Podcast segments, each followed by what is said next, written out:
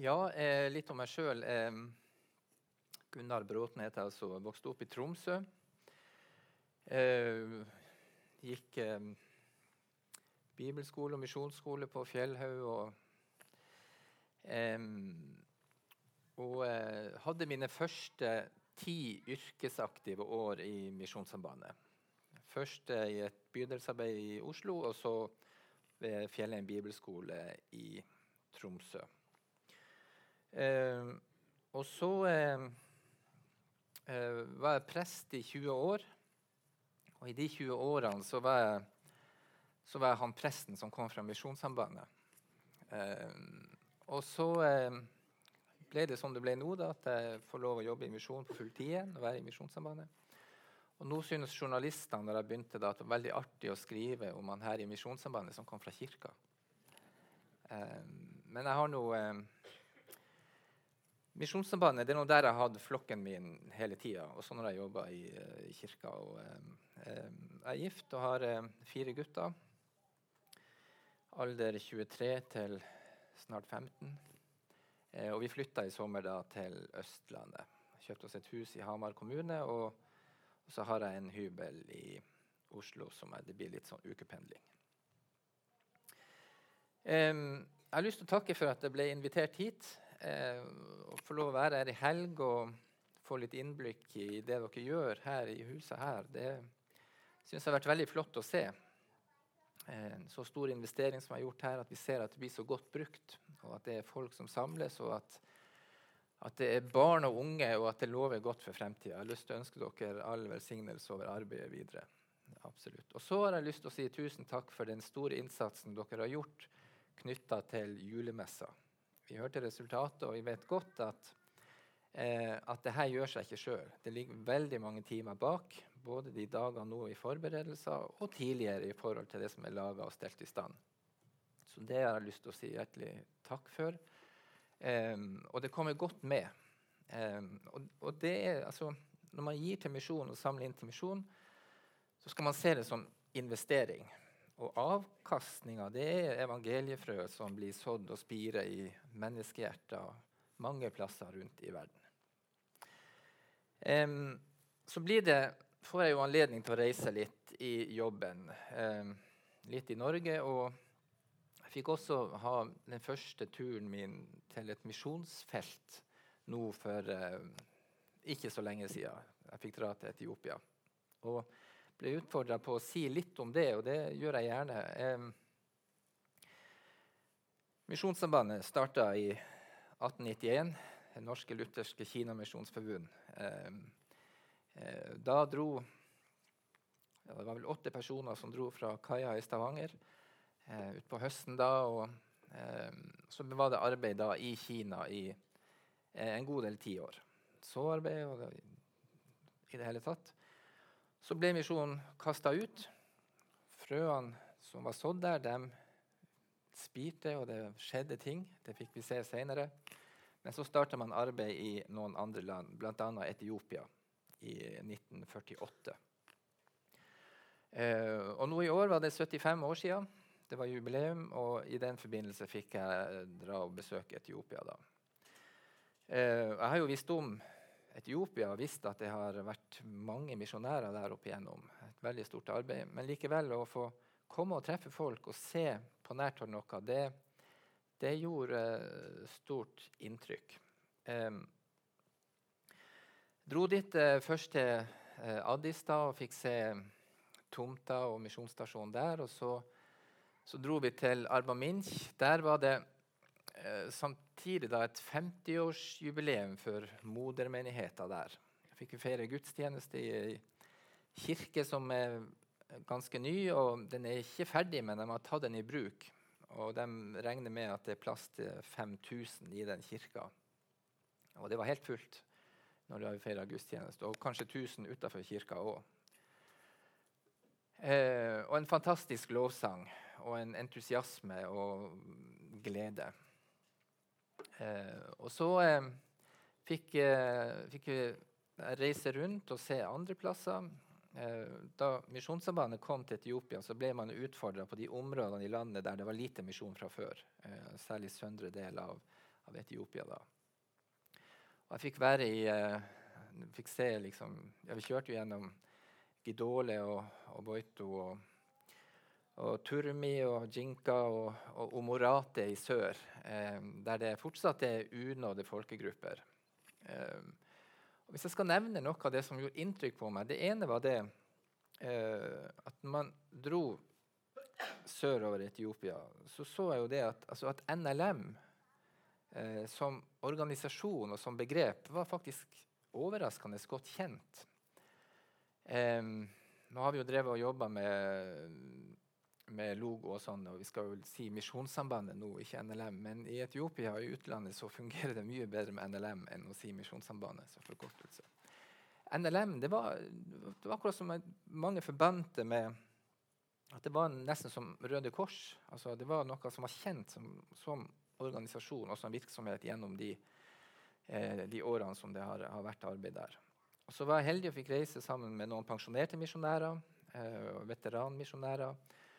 Og det å reise da og se, og se de møtene eh, med enkeltmennesker og de her misjonærene som ikke har truffet dem på kanskje 10 og 20 og 30 år, eh, og se hvor mye det hadde betydd for de som hadde fått livene forandra, eh, og så fortsatt står med i arbeidet, eh, det gjorde stort inntrykk.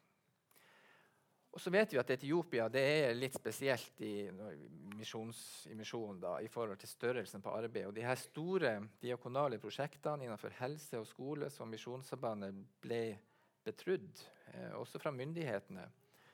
Eh, og den troverdigheten som Misjonssambandet NLM som organisasjon har opparbeida, kombinert med evangelieforkynnelsen og kirkedannelsen.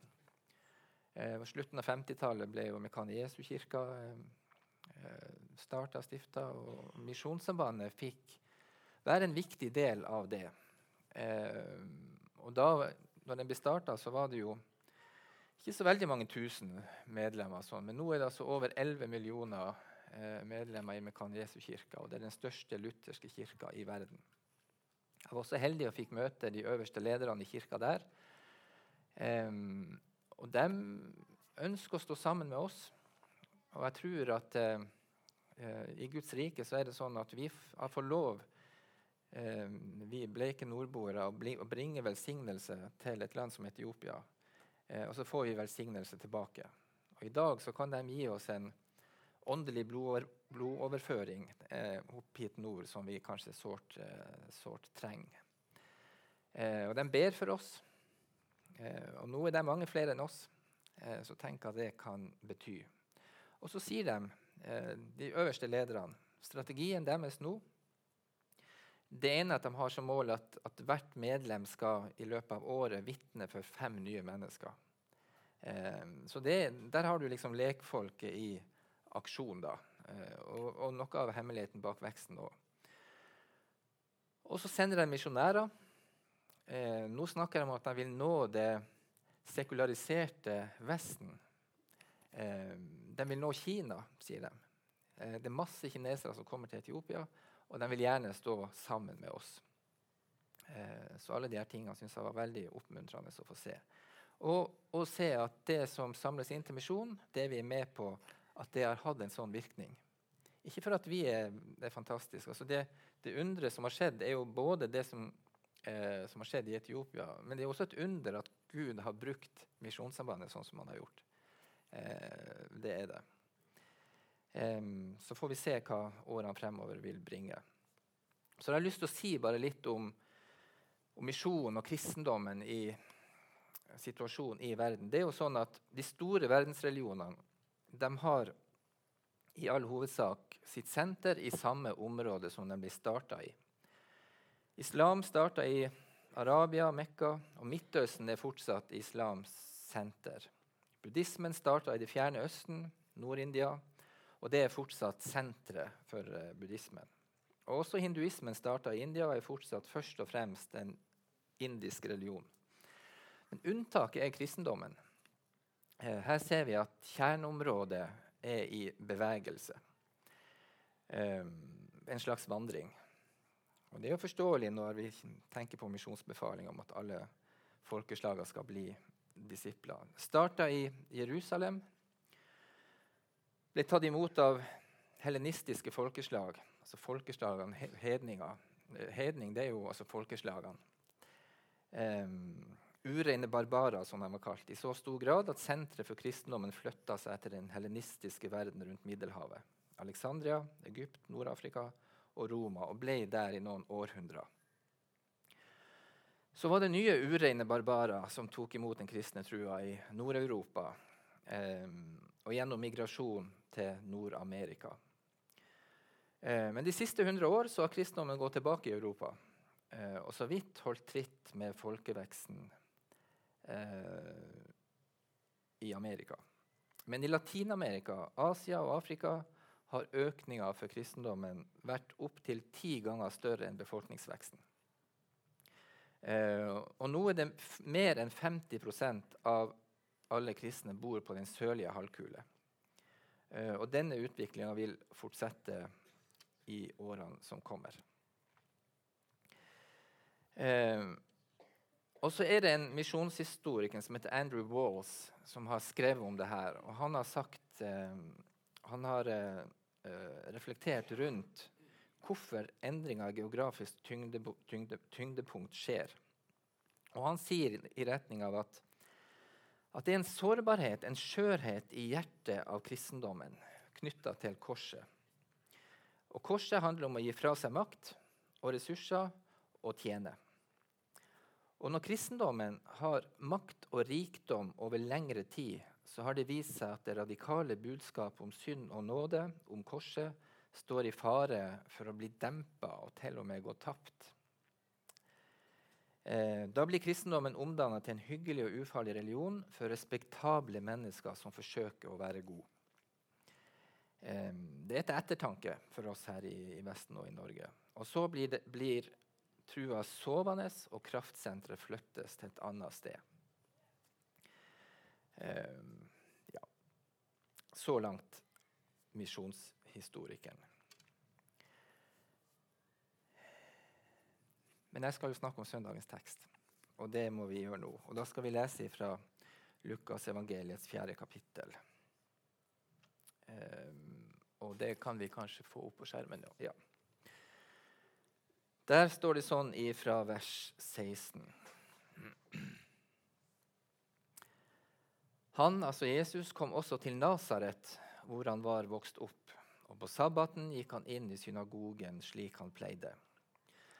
Da han reiste seg for å lese, rakte de ham profeten Jesajas bok. Han åpnet bokrullen og fant stedet der det står skrevet. Herrens ånd er over meg, for han har salvet meg til å forkynne et godt budskap for fattige. Han har sendt meg for å rope ut at fanger skal få frihet, og blinde får synet igjen, for å sette undertrykte fri og rope ut et nådens år fra Herren. Så rullet han bokrullen sammen, rakte den til synagogetjeneren og satte seg. Alle i synagogen stirret spent på ham. Han begynte da med å si, I dag er dette skriftordet blitt oppfylt mens dere hørte på. Alle roste ham og undret seg over nådeordene som kom fra hans munn. Er ikke dette Josefs sønn? spurte de. Himmelske Far, jeg ber om at du må velsigne ordet ditt. Hjelp oss å høre, og hjelp oss å ta imot det. I Jesu navn. Amen. Ja, ved starten av Jesu offentlige virke så kommer han altså til hjemstedet sitt, til Nasaret. Så står det at han gikk i synagogen sånn som han pleide. Eh, interessant den lille detaljen at Jesus har hatt rutiner. Eh, at han har gått til Guds hus eh, for å høre lest fra, fra ordet. Og denne dagen så blir han bedt om å være tekstleser. Eh, han røyser seg og, og, og leser. Så var det vel gjerne sånn da at de sto når de leste, og så satte de seg ned når de preika. Eh, noen kommentarer skriver at da sto gjerne forsamlinga mens de som preka, satt. Kanskje dere skal innføre det her. Ja, um, og så holder han preika, da. Eh, veldig kort og konsis preik. Eh, setning får vi høre eh, når han setter seg ned. I dag er dette skriftåret blitt oppfylt mens dere hørte på, sa han. Um, av og til kan vi lure på hva er det egentlig kristendommen handler om. Og Jesus, hva er hans prosjekt? Hva er det han kan gi og hjelpe oss med? Eh, og I denne teksten så får vi egentlig høre eh, hvorfor Jesus er kommet. Eh, og han svarer i sin programerklæring på hva det handler om, og hva han er kommet for å gjøre.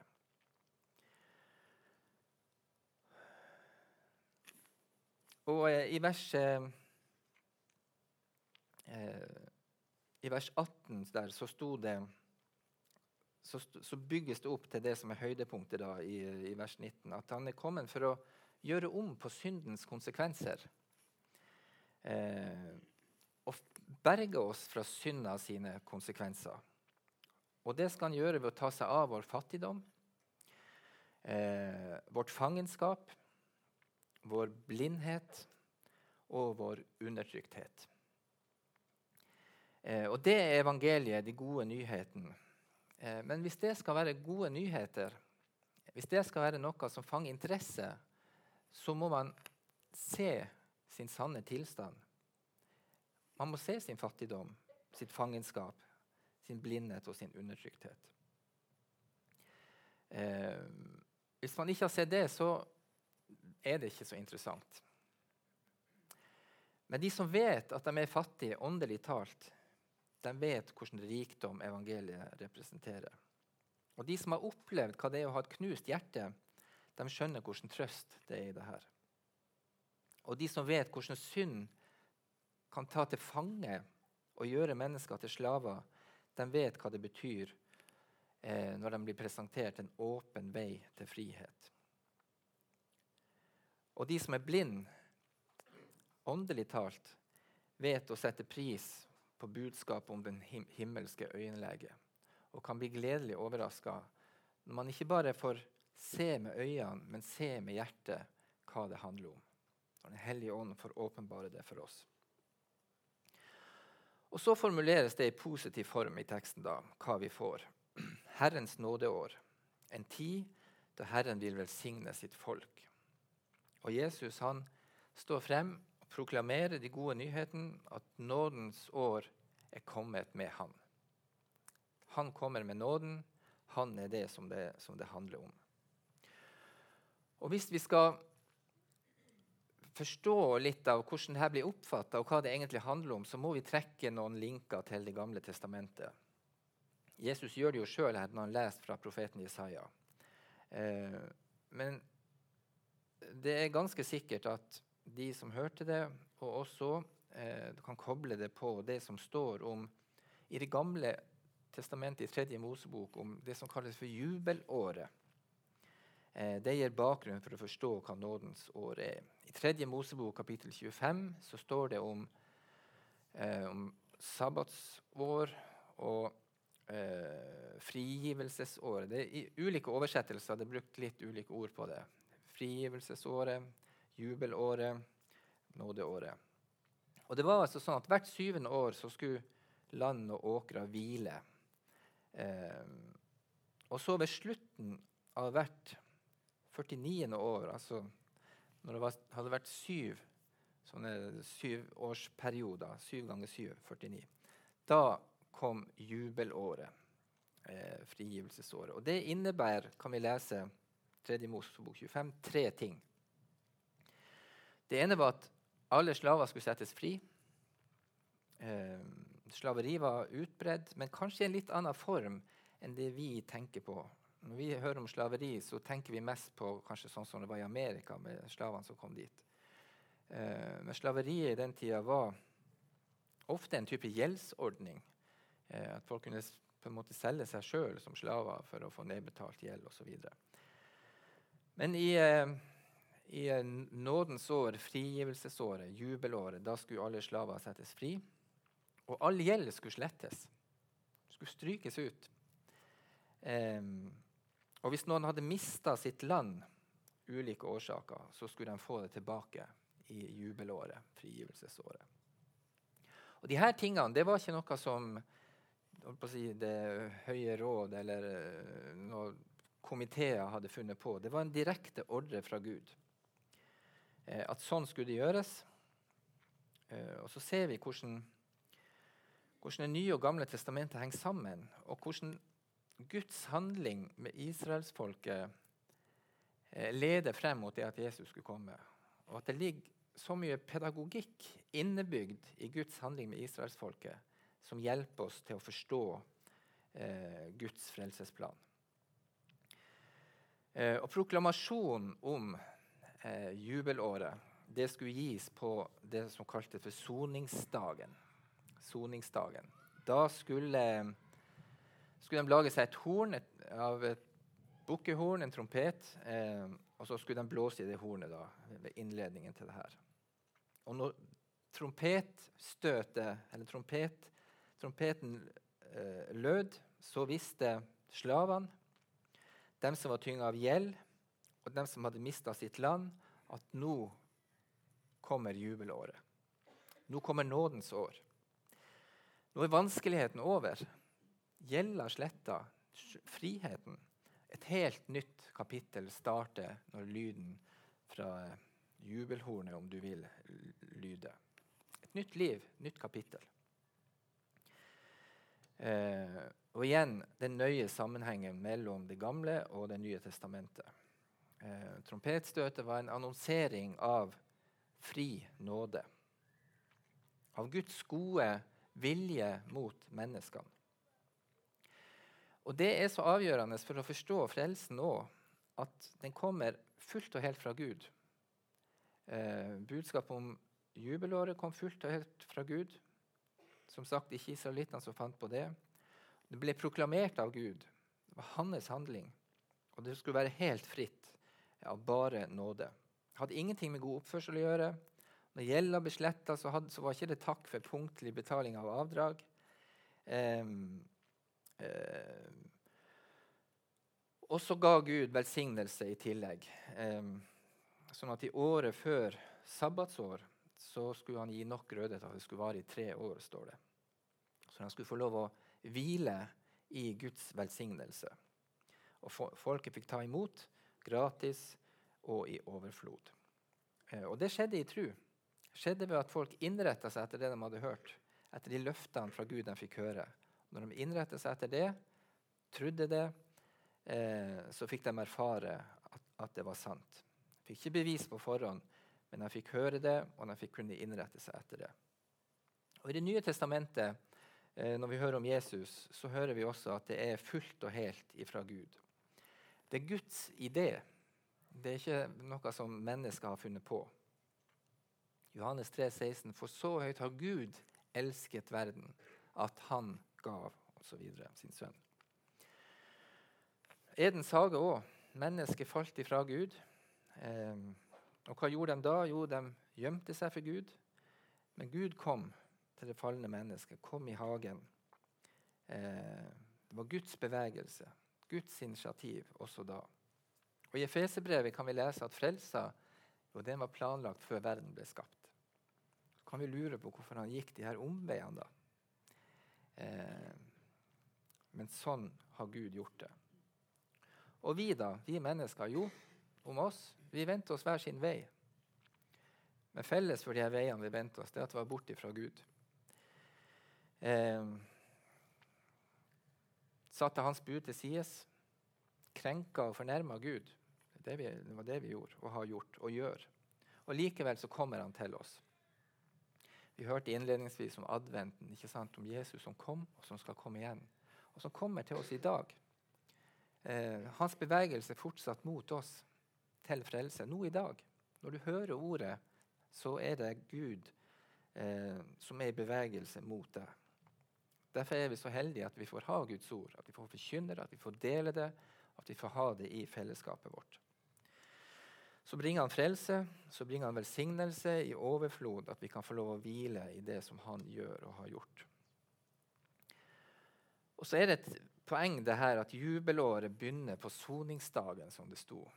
Eh, velsignelsen begynte ved at trompeten ble blåst på soningsdagen. Eh, og I den nye pakt så er det sånn at all velsignelse har sitt opphav i Han som ble korsfesta for oss, der soninga skjedde. På Golgata eh, så gjorde Jesus velsignelsen fra Gud mulig. Jesus kom. Ja, han var, han var kalt lærer, han underviste. Han var et eksempel og er et eksempel for oss. Eh, men heldigvis så stoppa det ikke der. Og takk og lov for det.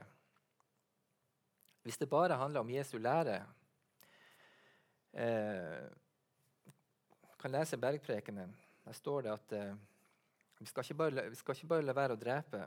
Du skal ikke kalle noen idiot eller hate noen i ditt hjerte. Det er like ille overfor Gud. Du skal ikke bare unngå hor, men du skal ikke engang tenke tanken. Du skal være perfekt som Gud er perfekt. Eh, det, det, er ordet. Og, og, ingen av oss kan følge dette fullt ut. Vi er helt avhengig av at det er noen som kommer oss i møte, og som hjelper oss. Og jubelåret eh, innledes ble annonsert av Jesus når han var i synagogen. Og så ble det på en måte virkeliggjort da han døde på korset. Tre år seinere. Og ved hans blod er vi forløst. Det betalte han gjelda, gjorde det mulig at synder kan bli eh, tilgitt. Han var Guds lam, som vi kan lese om gjennom Det gamle testamentet. Offeret som Gud godtok. Eh, og som det er betydelig at Gud godtok da han sto opp igjen fra de døde. Og det rekkes oss, gis oss gratis. Og gratis vet vi, det er jo ordet for nåde, egentlig. Eh, og så trenger vi å holde frem for hverandre at det her verken når vi blir kristen eller senere hviler på at vi tar oss sammen og skjerper oss. Det er så lett å komme på den tanken. Eh, men at vi skal få ta imot. Vi skal ikke gjøre noe annet, vi skal bare få ta imot. Det er essensen i evangeliet. Og Vi kan lese om det at Jesus kom ikke for de rettferdige, men for å kalle syndere til omvendelse. Han kom ikke for de som ikke trenger lege, men for de som er syke. Eh, og han kom for å gi syn til dem som er blind. Men det som er, ligger oss så nær, det er å tenke at, eh, at hvis vi skal bli en kristen, så må vi først få til et akseptabelt liv. Vi må få til å leve det kristenlivet først. Gjøre de rette tingene, sånn at Gud på en måte kan belønne oss og ta imot oss. Men igjen, man blir ikke en kristen med å prestere. Ikke engang med å prestere et godt kristenliv men ved å ta imot det som Jesus har prestert. Paulus han skriver mye om det her i sine brev. Um, Galaterbrevet så kritiserer han Galatermenigheten og sier at det undrer meg at dere så raskt vender dere bort fra ham som har kalt dere ved Kristi nåde, og til et annet evangelium. Og så kommer det. Men det finnes ikke noe annet. Det er bare noen som forvirrer dere og vil forvrenge Kristi evangelium. Og Forvrenginga av Kristi evangelium det handler om å snu om på denne rekkefølga. For evangeliet handler om en bestemt rekkefølge. Og Rekkefølgen er at Gud elsker deg og aksepterer deg for Jesus skyld først. Og Derfor, som et resultat, får du en plass i Guds rike og kan leve livet som en frikjøpt kristen. Misforståelsen det er, blir hvis du tenker at du kommer først til Gud og gir deg sjøl og lov å leve et godt liv. Og så, som et resultat, sier Gud OK, da. Eh, men da er det ikke lenger evangeliet. Da er det noe annet. Og Luther, når han skriver om det her, så sier han at det er ingen mellomting mellom den kristne rettferdighet og gjerningsrettferdighet, fordi det er ingen andre alternativer. Bygger du ikke på Jesu gjerning, må du bygge på din egen gjerning. Eh, og jeg husker Da jeg gikk på Fjellhaug, eh, da jeg gikk misjonsskolen, så hadde vi besøk av Hans Erik Nissen fra Danmark. Eh, bibellærer og forkynner som jeg tror mange av dere kjenner navnet til. Jeg husker jeg ble litt rysta når han sa Jeg har jo forstått hva han mente, da, men han sa at hvis det eneste Gud ser hos deg, er din tjeneste for Han, så er det nok til at du går evig fortapt. Og Noen av oss satt der som et lite spørsmålstegn, men jeg skjønner hva han mente. Hvis du bygger på det du sjøl gjør, enten, til og med din tjeneste for Gud, så holder ikke det. Du må bare bygge på det som Jesus har gjort. Ikke ved gjerninger for at ingen skal rose seg, som det står. Eh, og det vi må og kan og får lov å gjøre, det er bare å ta imot. Det er trua. Alle som tok imot ham, dem ga han rett til å bli Guds barn, de som tror på hans navn.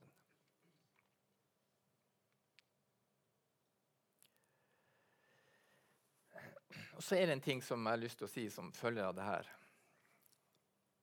Han som kom for å ta seg av de som ingenting har. Han som har gjort alt ferdig for oss, det fullbrakte frelsesverket. Det gjør Når vi ikke skal prestere, så gjør det at vi kan få ta imot det her og nå. Når du hører det. Hvis du ikke har del i det her enda, så kan det bli ditt i dag. Du trenger ikke å starte på denne skjerpingsprosessen først. Eh, han har gjort alt. Det er nådens år. Og nådens år, nådens tidshusholdning, det er fra da Jesus døde på korset, og til han kommer igjen. Nå er vi i nådens tid, frigivelsesåret. Eh, og med å ta imot det, så blir du fri. Gjelda sletta ut. Gjeldsbrevet sletta ut. Eh, du får ettergitt alt, og du får eh, bli og være Guds barn. Og så gir han overflod av velsignelse. Du skal få leve på det her. Du skal få tjene han, du skal få følge han, men det er velsignelsen og det som han har gjort, som du skal få lov å, å stole på hele veien. Det står at eiendommen nå skulle gis tilbake i jubelåret. Eh, en kommentar, kommentator som skriver om det her, han er inne på hva er det mennesker har mista, hva er det som blir gitt tilbake. Eh, og han svarer at det er menneskets sjel. Menneske, menneskesønnen kom for å berge det som var tapt. Og så står det Hva gagner et menneske om det vinner hele verden, men taper sin sjel? Eh, og Tapet er at vi har mista vårt sanne liv uten Gud. Og uten Jesus har vi egentlig ikke sant liv, bare eksistens. Når Han får frigi oss, tilgi oss, sette oss fri, så får vi det sanne livet som bare Han kan gi. Og vi får være arvinger sammen med Kristus. Så når skjellene fra øynene får falle av, når ørene blir åpna, vi kan høre trompeten, eh, nådens år som kommer eh, Og de som vet noe om gjelden, det vil være en gledeslyd. De som vet noe om slaveriet, de som vet noe om tap av renhet, ærlighet og karakter. De som kjenner tyngden av byrden og ønsker å bli kvitt dem. Eh, de som ønsker å bli satt fri, de som har søkt uten å finne. Det vi lever i nådens år i jubelåret. Jesus har båret dine synder på korset. Det kan vi få tro. Det kan vi få ta imot og erfare at det er sant. Amen.